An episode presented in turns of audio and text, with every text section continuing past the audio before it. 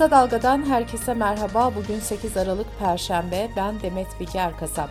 Gündemin öne çıkan gelişmelerinden derleyerek hazırladığımız Kısa Dalga bültene başlıyoruz. Mecliste bütçe görüşmeleri sırasında AKP ve İyi Partiler arasında çıkan tartışmada İyi Partili Hüseyin Örsün hastanelik olması gündemdeki yerini koruyor. İyi Parti Grup Başkan Vekili Musavat Dervişoğlu, örse yumruk atan AKP'li Zafer Işık için tatmin edici bir ceza verilmemesi durumunda meclisteki bütçe görüşmelerine katılmayacaklarını söyledi.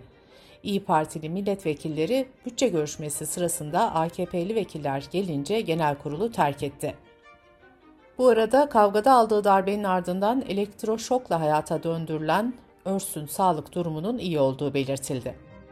AKP'nin Zafer Işık'la ilgili nasıl bir yol izleyeceği merak ediliyordu. Genel Başkan Yardımcısı ve Parti Sözcüsü Ömer Çelik, disiplin süreci başlatılıp başlatılmayacağına ilişkin bir soru üzerine şunları söyledi.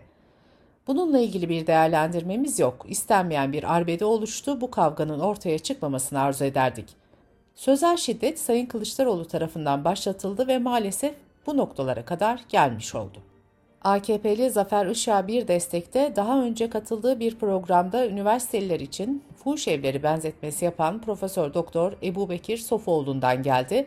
Sofuoğlu Twitter'da tepki de çeken şu paylaşımı yaptı. Anlayanı anladığı dilden konuşmuş. Bu bir ecdat geleneğidir, elleri dert görmesin. Müslüman yeri ve zamanına göre hareket etmesini iyi bilendir.'' CHP Genel Başkanı Kemal Kılıçdaroğlu 15 yıl Şırnak Baro Başkanlığı yapan Nuşi Revan Elçi'yi başdanışman olarak atadı. Kılıçdaroğlu, Nuşi Revan Elçi'yi hukuki ve siyasi konularda çalışmalar yapmak üzere görevlendirdi. Elçi 27 Ekim'de bir grup arkadaşıyla CHP'ye katılmıştı. Saadet Partisi Genel Başkanı Temel Karamollaoğlu, partisinin genel merkezinde düzenlediği basın toplantısında gündeme ilişkin değerlendirmelerde bulundu.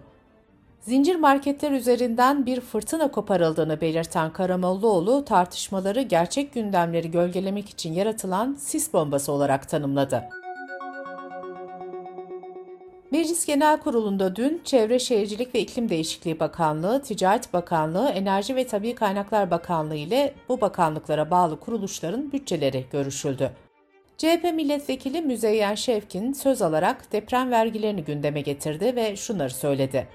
Bilim insanları olası bir depremi haykırıyor. Milyonlarca insan yaşamını kaybedecek, ekonomi çökecek. Deprem vergisi için 75 milyar dolar topladınız. Bu paralarla ne önlemler aldınız? 75 milyar doların hesabını çatır çatır soracağız.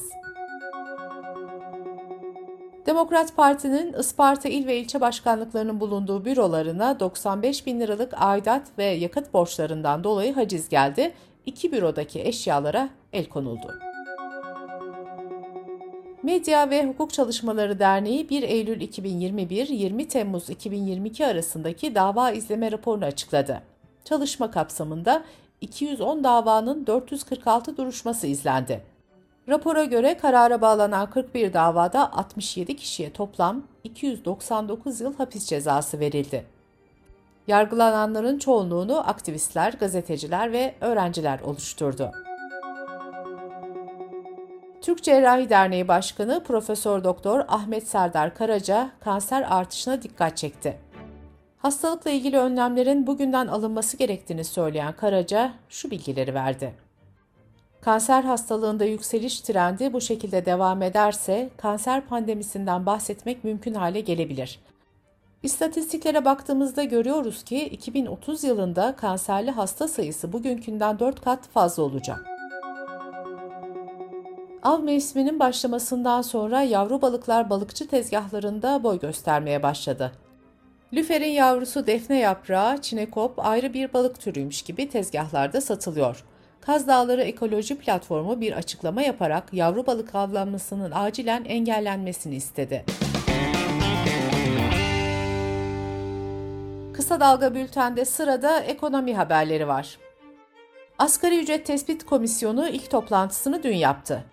Türk İş Başkanı Ergün Atalay, asgari ücret için pazarlığın 7785 lira olan açlık sınırından başlayacağını söyledi.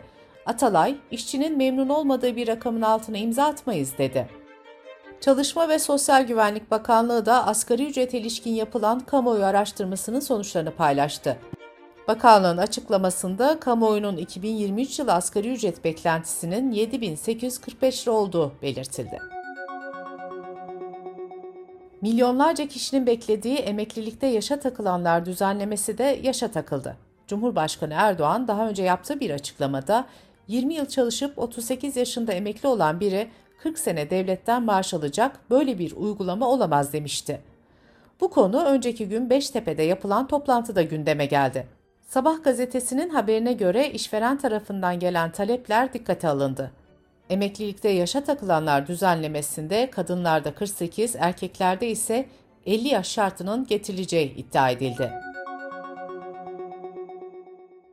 CHP Genel Başkan Yardımcısı Veli Ağbaba ise bu haberler üzerine bir açıklama yaparak iktidarın EYT meselesinin çözümü için yan çizmeye başladığı anlaşılıyor dedi. Resmi gazetede yayınlanan düzenleme ile zincir marketlere yeni bir düzen getirildi. Buna göre 200'den fazla şubesi olan gıda sektöründeki zincir mağazalar satışa sundukları ürünlerle şubelerine ait verileri bakanlığın belirleyeceği sisteme aktaracak. Bu veriler de kurum, kuruluş ve kamuoyuyla paylaşılabilecek. Değişikliğin amacı kamuoyunun aydınlatılması ve tüketicinin fiyat karşılaştırması yapabilmesine imkan sağlanması olarak açıklandı. Alışveriş Merkezleri ve Yatırımcıları Derneği Başkanı Profesör Doktor Hüseyin Altaş, AVM'lerin bankalara 12 milyar dolar borcu olduğunu belirtti. Altaş şunları söyledi. Geçen yıl 4 AVM bankalara geçmişti. AVM sahiplerinin başka alanlardaki gelirlerinden buraya takviye yapılmazsa 60-70 AVM daha bankalara geçer. Yılbaşı sofralarının simgesi olan hindinin kilosu geçen yıl 50 liraya satılırken bu yıl 100 liradan alıcı bulacak. Türkiye'de kişi başı yılda yaklaşık yarım kilo hindi eti yenilirken kesilen hayvan sayısı 1 milyona yakın. Hayvanların %20'si ise yılbaşında kesiliyor. Dış politika ve dünyadan gelişmelerle bültenimize devam ediyoruz. ABD Dışişleri Bakanlığı Sözcüsü Ned Price, Türkiye'nin Kuzey Suriye olası harekatına karşı olduklarını yineleyerek Suriye'de ve Türkiye-Suriye sınırında gerilimin artması tehlikeli olur dedi. Birleşmiş Milletler İnsan Hakları Yüksek Komiserliği, Ukrayna'da Rusya işgalinin başladığı 24 Şubat tarihinden bugüne kadar 419'u çocuk olmak üzere 17.023 sivilin öldürüldüğünü açıkladı. Verilere göre 14 milyondan fazla kişi de evlerinden edilmiş durumda. Almanya'da silahlı darbe yapmaya hazırlandığı öne sürülen aşırı sağcı gruplara yapılan operasyonda 25 kişi gözaltına alındı. Grup üyelerinin Almanya'nın derin devlet tarafından yönetildiğine inandıkları belirtildi. Zanlar arasında Rusların olduğu da ifade ediliyor. Amerika Birleşik Devletleri'nde bir federal yargıç gazeteci Cemal Kaşıkçı'nın öldürülmesiyle ilgili Suudi Arabistan Veliaht Prensi Bin Selman'a karşı açılan davayı düşürdü. Yargıç John Bates verdiği karara gerekçe olarak yargılanması istenen kişinin bir hükümet başkanı olduğunu ve dokunulmazlığının bulunduğunu belirtti. Batı Balkanlar zirvesinde Avrupa Birliği'ne üyelik başvurusunda bulunan 5 ülke için süreci hızlandırma kararı çıktı. Zirvede ayrıca Sırbistan ile Kosova'dan aralarındaki anlaşmazlıkları gidermeleri istendi. Avrupa Birliği'ne üyelik başvurusunda bulunan Arnavutluk, Bosna, Karadağ, Kuzey Makedonya ve Sırbistan'dan oluşan 5 Batı Balkan ülkesi halen katılım sürecinin farklı aşamalarında bulunuyor. 2008'de Sırbistan'dan bağımsızlığını ilan eden Kosova ise yıl sonuna kadar AB'ye üyelik başvurusunda bulunmayı planlıyor. Amerika Birleşik Devletleri'nin eski başkanı Donald Trump'ın aile şirketi vergi kaçakçılığından suçlu bulundu. Hukuk uzmanları şirketin 1.6 milyon dolara kadar para cezasıyla karşı karşıya kalabileceğini belirtti.